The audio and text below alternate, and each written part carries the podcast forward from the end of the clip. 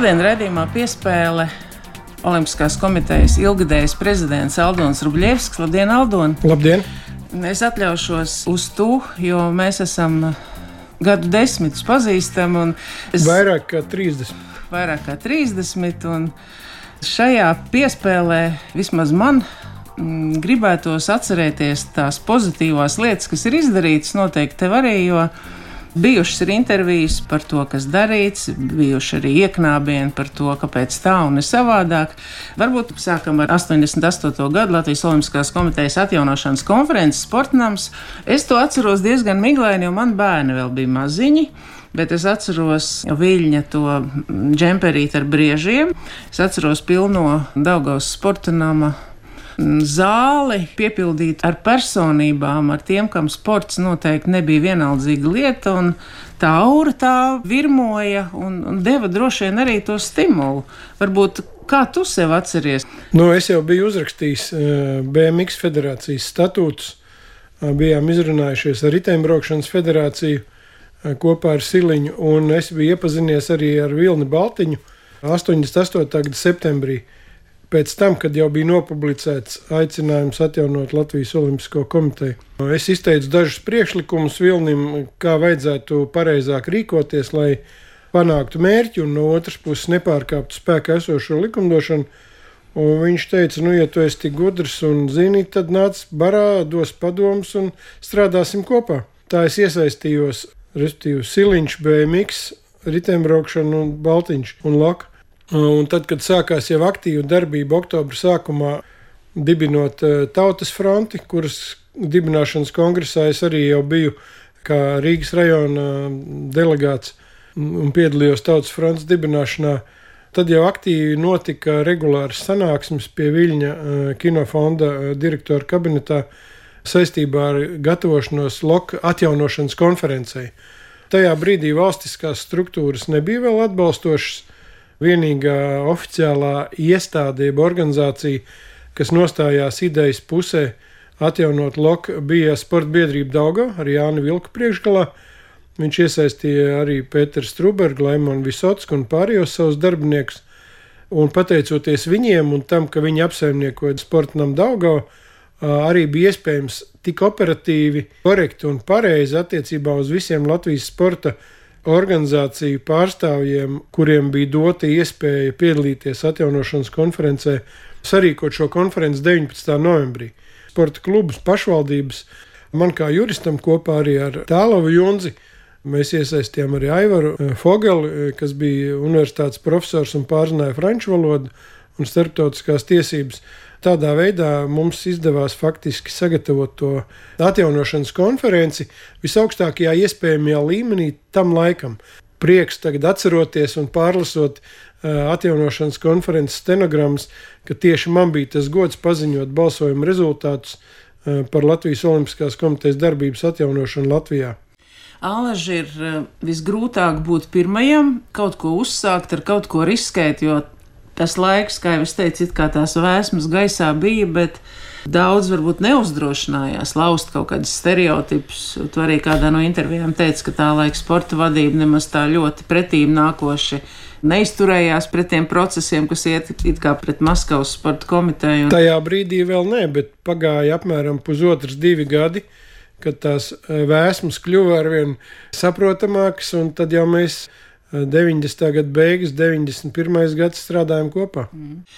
Vai piekrīt, ka ir cilvēki, kas tomēr dod to virzienu vai galvu sakārto domāšanu pareizā virzienā, un ka tev tas bija viens no tiem smiltenes treneriem Jānis Siliņš, ne tikai BMX jomā, ko jūs esat, es gribētu teikt, kopā ar viņu arī izdarījuši, divkārtais olimpiskais čempions Māršs Strombergs, bet arī tieši šajā brīdī uzdrīkstēties, riskēt, būt pirmajiem, tad, kad citi to vēl nav gatavi darīt? Nu, jā, es domāju, lielā mērā mana pieeja šiem jautājumiem bija saistīta ar, ar manu audzināšanu, ar manu teiksim, skološanās un trenēšanās gaitu smiltenē, tā skaitā siliņu vadībā.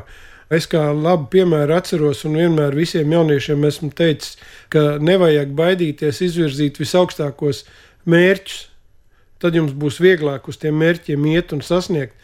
Kad es sāku 71. un 72. gadā pie siliņa nopietni trenēties, mums izgatavoja, protams, pa vecāku naudu daļēji treniņu kreklus, dzeltenus frotē krekliņus, un viņš sarunāja valks tipogrāfijā, kas man liekas nebija tik vienkārši tajā laikā. Ar zaļiem burtiem tika uzspiests uh, uzraksts. Mūsu mērķis ir Olimpiskās spēles 76 un 80, respektīvi Monreāla un Maskava. Maskavas olimpiādas riteņbraukšanas piktogramma.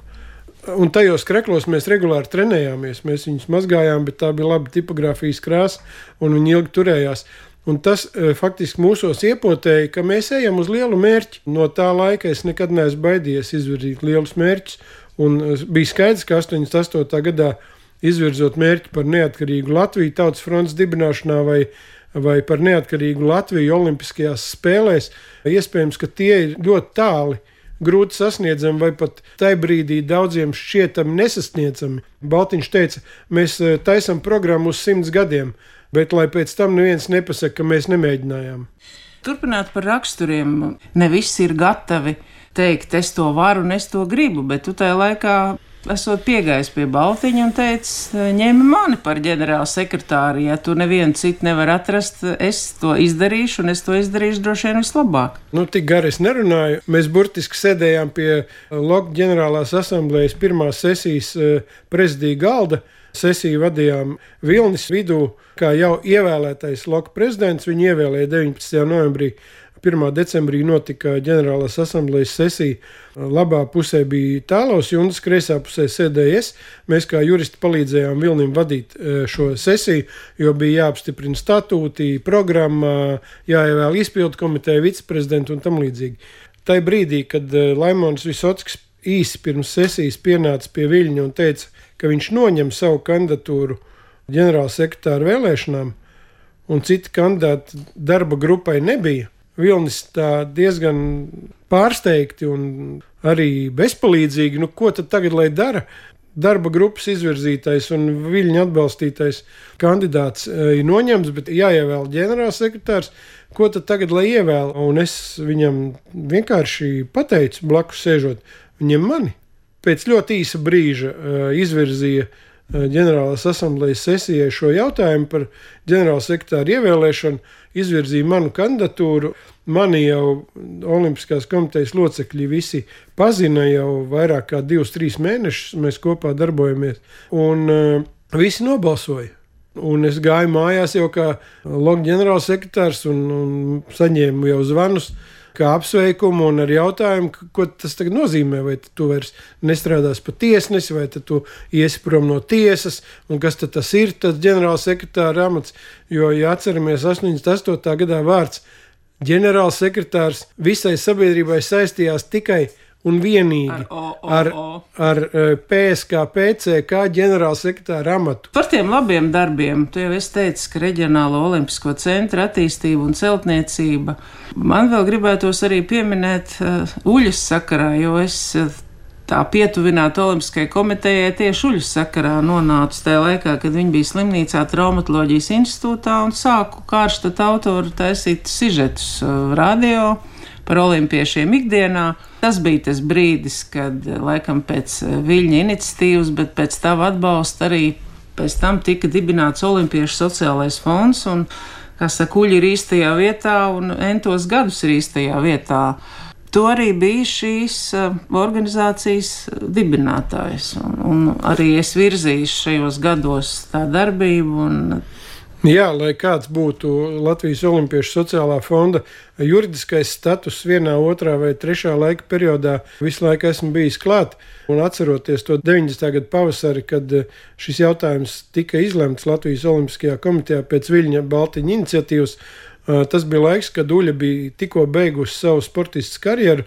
Īsti mēģinājumi uzsākt treneru vai treneru palīga to darbu īsti nevedās skaidrs, ka mums ir jāatrod veids, kā vislabāk izmantot divkārtējās, vienīgās divkārtējās olimpiskās čempionas eh, potenciālu olimpiskās kustības uh, pilnveidošanai, attīstīšanai, popularizācijai. Viena lieta, ar ko mēs bijām konkrēti saskārušies, neviens Latvijā neko nezināja par pirmskara Latvijas olimpiešiem. Padomju laikā tas tika slēpts, tas tika dzēsts no vēstures. Par to tika klusēts. Nolēmām, ka Uļa varētu būt tas cilvēks, kuram neviens neko nevarētu aizliegt, vilkt no nebūtības ārā mūsu bijušos olimpiešus. Pirmskara olimpieši tajā laikā vēl dzīvi bija, manuprāt, vēl 11 runāt par viņiem, par viņu sasniegumiem sportā, Pirmās Latvijas Republikas laikā, par viņu piedalīšanos Olimpiskajās spēlēs, atgādināt tautai, ka mūsu varoņi ir ne tikai Jaunzeme, Lūsis un Semjonova, bet ka Latvijai bija arī sporta varoņi pirms otrā pasaules kara. Uļa ir ļoti e, labsirdīgs, labdabīgs cilvēks, un viņai noliekot priekšā datus, adreses, telefonus, kurus izdevās atrast kā olimpiešus, tieši viņa uzrunāja, kā saka, parāva līdzi ar savu to arī sportisko harizmu, protams, divkārtēji olimpiskā čempiona, jebkura sportista acīs, tā ir varona. Un, faktiski šis fonds sākās ar pirmskara olimpiešu apzināšanu, viņu sociālā veselības un citu stāvokļa izzināšanu un palīdzības mēģinājumu sniegt palīdzību tur, kur tas visvairāk ir vajadzīgs.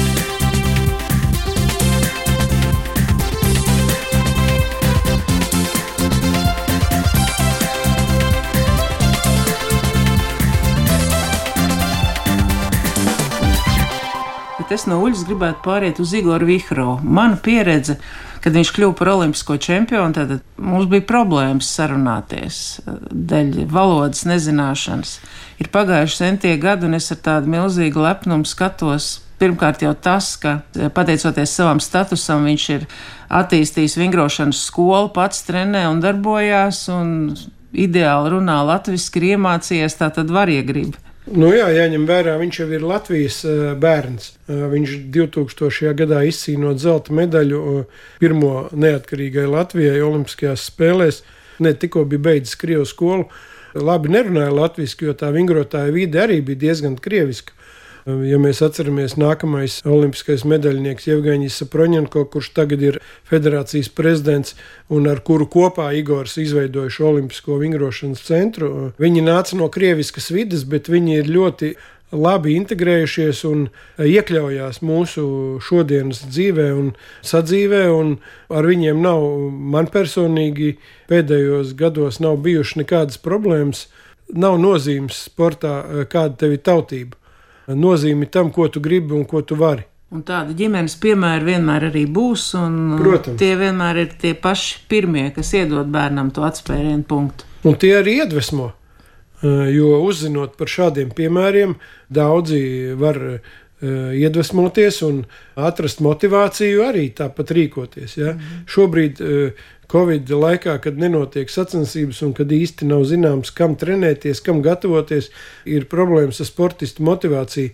Bet, ja tie mērķi tam sportistam tomēr ir pašam savi, nevis piespiedu kārtā vai, vai tādēļ, ka tā ir sanācis, tad viņš vienmēr būs līmenī un uh, sasniegs savus. Varbūt nedaudz pafilozofēsim par naudu, par sporta lomu, jo nesen man bija saruna ar Guntu Vaičulu, kas tagad uh, dzīvo laukos, gaida bērniņu, un, un uh, viņa teica, ka praktiski gadu gadiem jau tā kubertēna pamatideja par uh, sporta lomu ir, nu, komercializējusies. Tas nav nekāds noslēpums arī šīs Covid krīze, tagad jau 600 tūkstoši Latvijā mīnusos, tas noteikti daudziem arī liek uzdot jautājumu, vai es tādu sportu gribu un kur vispār sports virzās.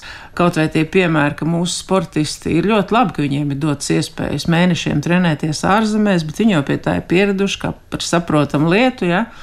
Bet pēc būtības jau tā sporta ideja ir pavisam cita. Vai tu paredzi, ka mēs varētu atgriezties kaut kur tajos laikos, kad eh, sāksim eh, stipri dalīt to lielo sportu, atdalīt no tā amatieru sporta, jo vienkārši eh, dzīve mūs piespiedīs tā domāt un darīt? Faktiski lielais sports jau ir atdalījies no amatieru sporta un aizgājis tālu uz priekšu. To mēs visuzskatāmāk, man liekas, redzam tad, kad notiek tie plašie, jeb uh, populārie maratoni, kur tagad daudz ir atcelti, kad uh, pa priekšu aizskrien uh, bariņš 11 elites atlēti, kuri cīnās par vietu, rezultātu un laiku un prēmijām, un pēc tam desmitiem tūkstoši skrejēju viņiem seko savā tempā. kuri skrien 3,5, 4,5, 5,5 stundas to maratonu distanci. Ja mēs spēsim tādā profesionālā līmenī attīstīt sportu turpmāk, kā tas bija mūsu laikos, jo nu, arī nu, neslēpsim arī sadarbību ar partijām, un tie, kas ir pie varas, noteikti diktē, vai šim sportam ir Eh, tik daudz naudas, cik vajag, vai gadu gadiem esam runājuši par to, ka atnāk viena partija un izjauc sistēmu, neko vietā neradot. Eh, tagad Covid krīze. Um, arī par nodokļu sistēmas sponsoru nav ieinteresēti. Nu, tas viss atstāja ilgtermiņā ietekmi uz to, arī uz to, ka nu, varbūt sporta vadība vairs uh, nav ieinteresēta pa valsts līdzekļiem tikai cīnīties. Jebkuri politiski lēmumi, kuri tiek pieņemti bez konsultēšanās ar ekspertiem, uh, nozares speciālistiem, uh, var nodarīt kaitējumu. Var arī nenodarīt, bet var arī nodarīt.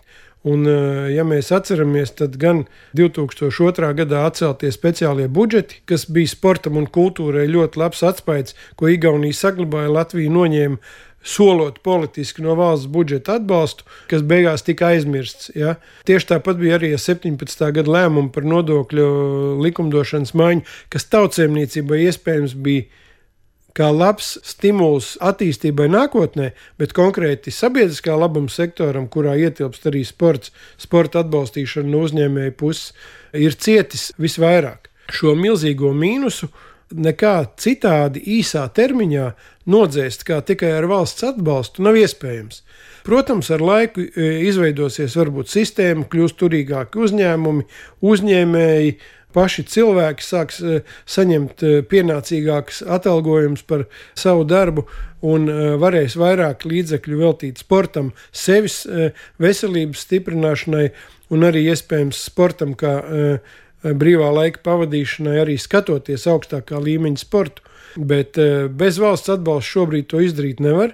Tajā pat laikā šī valsts atbalsta saņemšana ir ļoti birokratizēta, ļoti formalizēta kā saka, bumba ar laika degli, kas var novest agrāk vai vēlāk pie voluntāru lēmumu pieņemšanas, no jau politisku motīvu vadīt. Mēs esam mēģinājuši caur Olimpiskās vienības kritērijiem, caur federācijas sasniegumu kritērijiem panākt, lai finansējumu vairāk saņem tie, kam ir labāki rezultāti, jo sportā rezultāts ir tas galvenais kritērijs.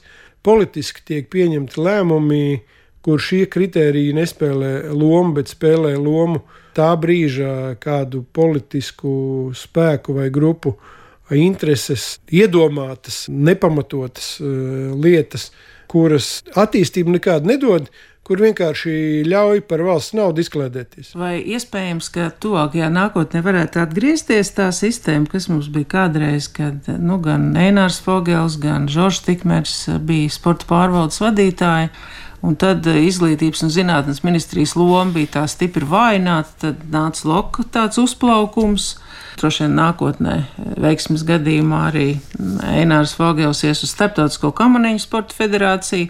Vai tu paredzi, ka varētu būt, eh, ka šī Žorža kļūšana par loku prezidentu, ka tā atkal zināmā veidā atgriezīs atpakaļ to sistēmu, ka valsts nauda būs tā dominējošā un Olimpiskā komiteja un pārējās varbūt sabiedriskās organizācijas daudz zaudēs tieši gan finansiāli, gan arī status ziņā. Nu, manā skatījumā Žorža pieredze gan valsts pārvaldes darbā, gan pirms tam sporta pārvaldē ļaus visprasmīgāk izmenedžēt šo valsts budžeta piešķiršanu un izlietošanu.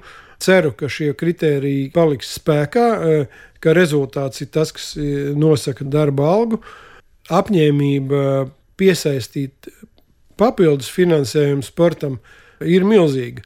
Domāju, ka arī jaunās paudzes ienākšana sporta pārvaldībā caur Kārļa Lēnieka paudzi, 32 gadi, jauns cilvēks, citi vēl sportotāji, laikā ļoti aktīvi. Tātad tā ir patreiz aktīvi esošo mūsu sportistu paudze un tās domāšana ļaus atrast to veidu, kā pārliecināt sabiedrību, ka nodarbošanās ar sportu, tā skaitā augstāko sasniegumu, sporta sasniegumu, kas gan iedvesmo, gan pacelā, gan vieno nāciju, sevišķi, kad tiek celti nacionālajie karogi un spēlētas valsts himnas un pusi tautas raud un priecājās. finansēšana tiks padarīta par tādu objektīvi saprotamāku nekā tikai no politisku lēmumu pieņemšanas e, viedokļa. Kad e, sporta sabiedrība gan redzēs, gan jutīs, ka tas atbalsts nāk ne tikai no valsts budžeta, un ka ne tikai formālajai atskaitē ir nozīme, bet e, ka nozīmī tam, ka kā tu saplāno savu dzīvi, savu darbu, savu sportu, un kā tu uh, nodrošini, ka tu tiešām izdari to, ko tu esi eh, apņēmies un solījies. Un šis valsts budžeta īpatsvars tieši augsts sasniegums sportā samazināsies, jo palielināsies citu finanšu avotu piesaiste. Olimpiskā kustība nav tikai olimpiskās spēles. Olimpiskā kustība ir daudz plašāks jēdziens, un caur šīm sociālajām aktivitātēm ko mēs esam iesākuši pēdējos astoņos gados, gan sporto visu klasu programmu, kur bērniem tiek dot iespēja piecas reizes nedēļā nodarboties ar fiziskām aktivitātēm un sportu. Gan eh, Olimpiskā diena, kur simtiem tūkstoši eh, dalībnieku vienlaicīgi vingro un sporto septembrī nogalē. Tas ir veids, kā mēģināt iekustināt sabiedrību. Ar Olimpiskās komitejas eh, šo darbību ir tā, ka ja cits neviens to valstī nedara, tad bieži vien Olimpiskā komiteja bijusi tā, kas uzņemās, noformulē un izdara un parāda, un tad jau tālāk bieži vien, kā ar programmu Sporto visu klasi, ja tā pāraug desmit tūkstošu dalībnieku, nu tad tā vairs nav vienas sabiedriskās organizācijas, viena projekta jautājums, tas jau ir valstisks jautājums.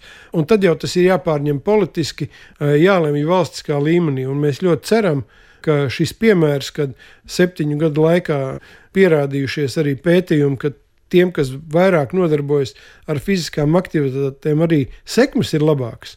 Tas novedīs pie tā, ka Latvijā vismaz obligātās izglītības līmenī bērni nodarbosies ar fiziskām aktivitātēm vairāk nekā divas vai trīs reizes nedēļā.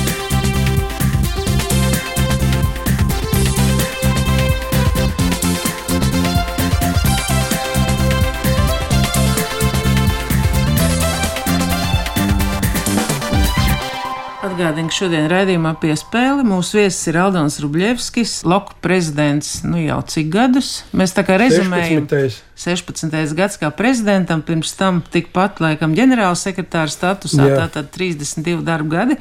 Uh, jau runājām par BMX, pirmais sporta veids uh, riteņbraukšana smiltene.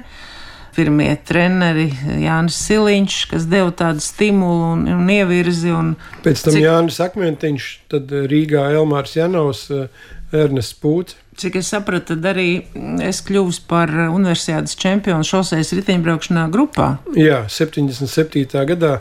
20 gadu vecumā pārstāvot Latvijas universitāti. Maksāt nespējas administrators, uh, No 90. Tā tāpat arī prāta vētras dziesma, gadam. kur ir mana lidmašīna tajā laikā. Ja? Tad, jā. Joprojām arī advokāts. Ne aktīvs, bet jā, sta advokāta status man joprojām ir.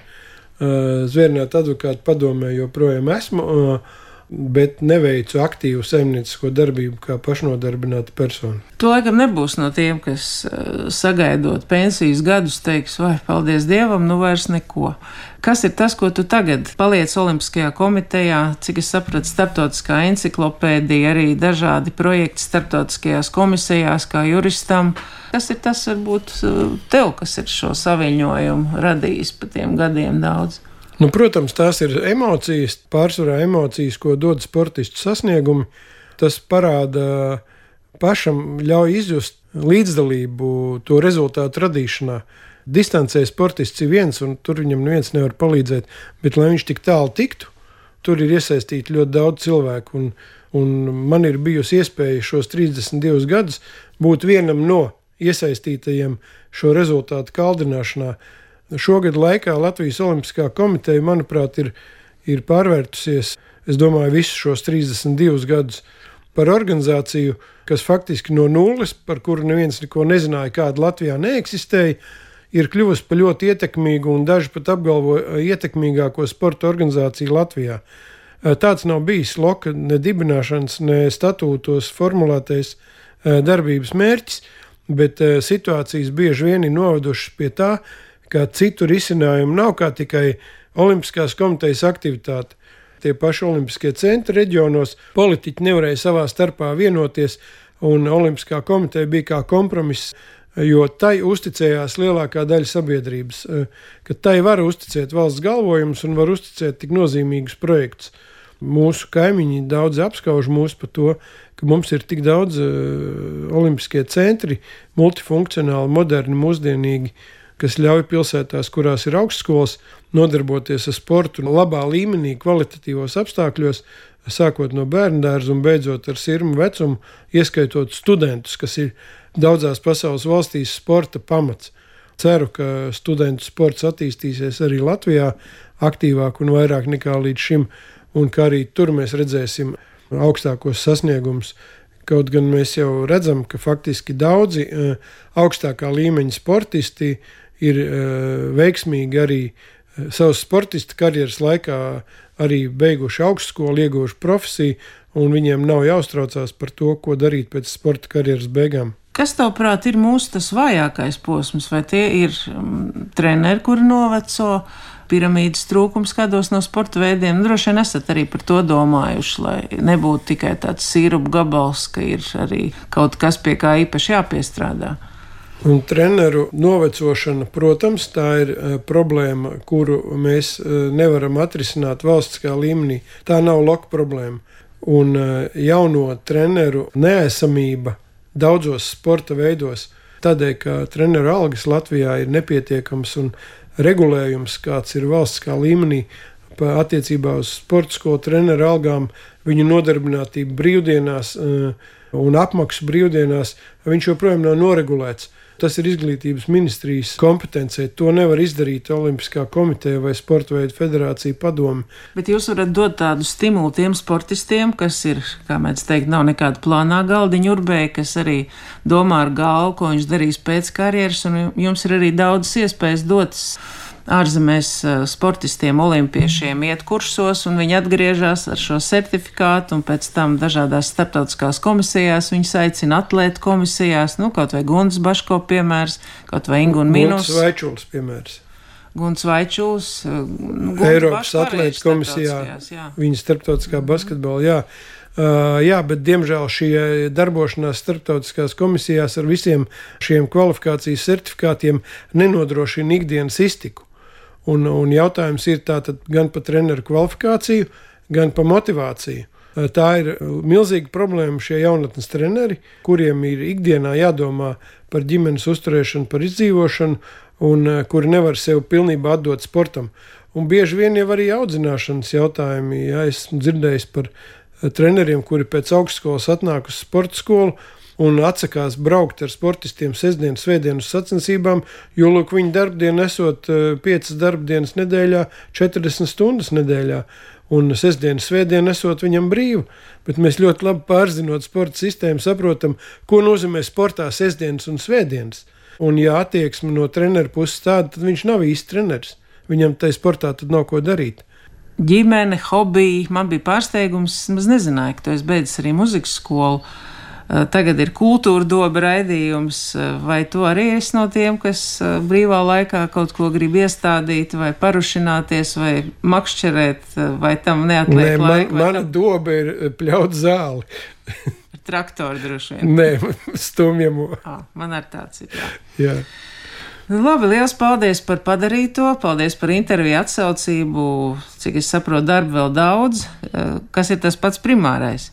Pat grūti noformulēt. Es domāju, ka šobrīd galvenais ir pārlaist šo Covid krīzi un skatīsimies, kā dzīve atgriezīsies iepriekšējās vai pilnīgi vai daļai sliedēs no septembra, un tad droši vien sāksies nopietni darbi. Tā skaitā attiecībā uz vēlmi, lai mūsu sportisti turpmāk būtu gan sociāli nodrošināti, gan medaļnieki būtu pienācīgi novērtēti gan arī, lai veselības aprūpes pakalpojumi būtu pieejami ne tikai aktīviem sportistiem, bet arī veterāniem. Rezumējot sarunu, lai esam veseli, lai pasaule kļūst vesela un beidzot ātrāk to vakcīnu izdodas atrast. Jā, un galvenais nezaudēt dzīves prieku.